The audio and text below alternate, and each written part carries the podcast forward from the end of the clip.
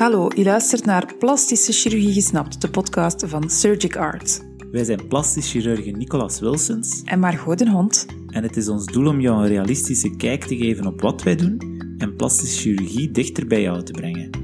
Ikzelf, ik ben Nicolas. Ik werk in het Sint-Trudo ziekenhuis en in de Essence praktijk, beide gevestigd in Sint-Truiden. En ik ben Margot, ik werk in het ziekenhuis Oost-Limburg, dat is in Genk, Lanaken en Mazeik. Je kan ons vinden op Instagram en op Facebook onder de naam @artinsurgery, telkens met een puntje tussen, of op onze website www.plastischechirurgielimburg.be in één woord. We gaan het vandaag hebben over een topic, een onderwerp waar nog heel veel onduidelijkheid over heerst. Eh, we krijgen hier, hier soms de vreemdste vragen of de vreemdste veronderstellingen over te horen. Ehm, en, en daar willen we vandaag toch een paar dingen voor rechtzetten. Ja, we zijn vandaag aan aflevering 22. 22 al. We willen nog eens praten over de tussenkomst van het ziekenfonds bij een ooglidcorrectie. Ja, en dan is de eerste vraag die we ons moeten stellen, en die, die eigenlijk voor sommigen al, al een beetje ja, verrassend is, is er überhaupt een, tussenkomst van de mutualiteit mogelijk? En daarop is het antwoord ja, ja, wel degelijk. Je moet wel aan een aantal voorwaarden voldoen. En die voorwaarde is enerzijds een kinetische perimetrie. Dat is een onderzoek dat uitgevoerd wordt door de oogarts. En dat gaat eigenlijk na hoeveel van je gezichtsveld belemmerd is door de overhangende huid. Dus, dus de rationale is eigenlijk dat er een tussenkomst kan zijn bij het ziekenfonds als je daadwerkelijk functionele last hebt en dat daardoor een deel van het gezichtsveld niet meer zichtbaar is. Meestal aan de buitenkant is dat. Ja, en dat moet ook zichtbaar zijn op foto's die we maken. Dat is de tweede voorwaarde waar je aan moet voldoen. Uh, we moeten enkele foto's maken en bezorgen aan de adviserend geneesheer van de mutualiteit. En daarop moet te zien zijn dat op de hoogte, op de hoogte van je pupil, dat daar de huid echt op je wimperrand rust en, en die eigenlijk naar beneden drukt. Ja, dus het is echt wel de bedoeling dat dat geobjectiveerd wordt op twee verschillende manieren, om, omdat dat uiteraard ook een, een ingreep is die om esthetische redenen heel vaak wordt uitgevoerd. En het ziekenfonds wil daar uiteraard een verschil in maken. De operatie waar zij intussen komen, dat gaat over een functionele operatie om het huidoverschot weg te nemen, zodanig dat het gezichtsveld terug volledig is. En even voor de volledigheid, dit geldt enkel voor bovenste oogleden. Hè. Ook, ook al is er veroudering van de onderste oogleden, of is er huid te veel aan de onderste oogleden, dit gaat nooit voor het zicht, of het, dat gaat nooit het zicht belemmeren. Dus is er ook nooit daar echt een functionele hinder van waarvoor, het waarvoor de mutualiteit kan tussenkomen. Ja, dus een onderste ooglidcorrectie is altijd puur esthetisch. Een bovenste ooglid kan esthetisch zijn, of kan functioneel of gemengd zijn. Nu, hoe begin je daaraan? Hoe kom je daaraan? Of, of, of hoe weet je, kom ik daarvoor in aanmerking? Ja dan nee. Wel, dan is het eerste misverstand dat mensen denken dat, dat zij daarvoor een verwijzing van de huisarts nodig hebben. Dat is dus niet waar. Je kan gewoon bij een plaschirurg of bij een oogarts op consultatie gaan met je vraag en, en hij of zij zal jou dan een advies geven. En als, je als hij of zij denkt dat je in aanmerking komt, de aanvraag starten. En de meting zelf, dus dat betekent die perimetrie, die gezichtsveldmeting, die wordt dan door de oogarts uitgevoerd. De foto's die worden genomen door de oogarts of de plastisch chirurg en die gegevens die worden dan gebundeld. En die kunnen dan opgestuurd worden naar de adviserend geneesheer van het ziekenfonds. En zij geven zichzelf dan enkele weken de tijd. En in die weken gaan zij na of je aanvraag gegrond is, ja dan nee.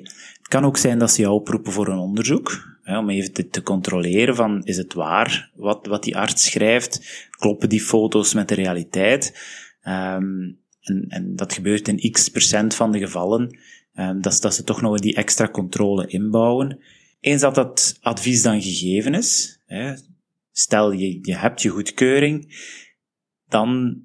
Dan ga je een brief krijgen. Ja, dus dan krijg je zelf een brief.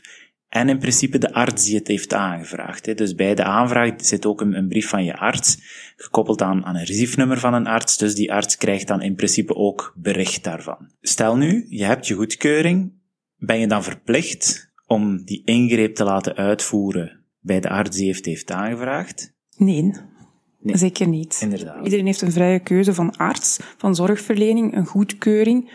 Is onafhankelijk van de arts die dat het aangevraagd heeft. Ja, correct. Dus de goedkeuring hoort bij de patiënt, niet bij de chirurg. Ja. Wie mag er een ooglidcorrectie uitvoeren onder deze nomenclatuur? Ja, in principe kan die ingreep uitgevoerd worden door quasi elke chirurg. Het spreekt natuurlijk voor zich dat je best op zoek gaat naar iemand die zich daar toch wat in, in gespecialiseerd heeft. En dan kom je natuurlijk al snel bij een plas chirurg uit en oogartsen die, die deze ingreep uitvoeren. Hangt er een beetje vanaf welke training dat je gehad hebt, hè, welke achtergrond, maar, maar een goede degelijke training in de anatomie en de chirurgie van de ogen en, en de daarom liggende zones is echt wel heel belangrijk. Ja, ook oculoplastische chirurgie, dat is, dat is de mooie naam um, voor, voor dit type chirurgie. Ja, dat is een beetje een, een, een overkoepelend, of ja, een grijze zone tussen onze twee specialismen. dus er zijn zeker um, oogartsen en plaschirurgen die, die die ingreep goed uitvoeren. Dus ja, we krijgen vaak de vraag, ja, is er dan een verschil? Of, of we lezen ook heel vaak die vragen online. Wat ik vooral op zou letten is, is kijken welke achtergrond of welke opleiding dat de chirurg gehad heeft. Of, of dat er echt een specifieke training is geweest met ook een focus op esthetiek. Want heel vaak, ook al is er een functioneel probleem, is de vraagstelling in belangrijke mate van het esthetisch oogpunt ook aanwezig. Hè? Ja, wat heel typisch is voor die oogleden, is dat dat vaak geen alleenstaand probleem of bekommernis is van de patiënt. Een ooglid is, is, is een deel van je gezicht en, en, en heel dat gezicht heeft hetzelfde verouderingsproces ondergaan. Dus, dus vaak is dat gewoon een, een onderdeel van je gelaat dat ouder wordt en is ook, is ook vaak de wenkbrauw betrokken, is het voorhoofd betrokken zijn, de onderste oogleden betrokken zijn, um, soms enkele spiertjes betrokken. En, en, en dat is, het is wel belangrijk om dat goed te analyseren te kijken wat is nu juist het probleem en, en hoe gaan we dat aanpakken. Dan ben je bij een wel natuurlijk aan het juiste adres. Ja, puur, we hebben het al eens gezegd, de nomenclatuurcode, dat gaat echt puur over het wegnemen van de huid om de functionele last te verbeteren. Maar dat kan ook indirect, de huid op het, die op het bovenste ooglid rust, dat kan ook indirect een probleem zijn van de wenkbrauwen die te laag hangen. En vaak gaat veroudering ook gepaard met een uitholling. En is er ook een factor vulling die kan verbeterd worden, of rimpelvorming die kan verbeterd worden, waardoor dat de aanblik van het ooglid en het oog verjongd kan worden. Dus puur esthetisch zijn er veel meer factoren die waarop kunnen inspelen dan enkel dat stukje huid wegnemen.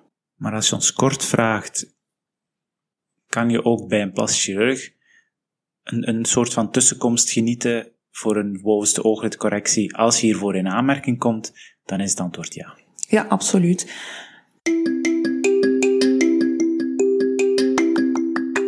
Als je graag wat meer uitleg hebt over een ooglidcorrectie, we hebben daar al andere, iets wat grotere podcasts over gemaakt. Onze derde aflevering gaat over bovenste ooglidcorrectie. En dan hebben we ook nog een onderste ooglidcorrectie aflevering gemaakt en dat is aflevering 7. Veel luisterplezier. Dankjewel en tot de volgende keer. Tot de volgende keer. Dag.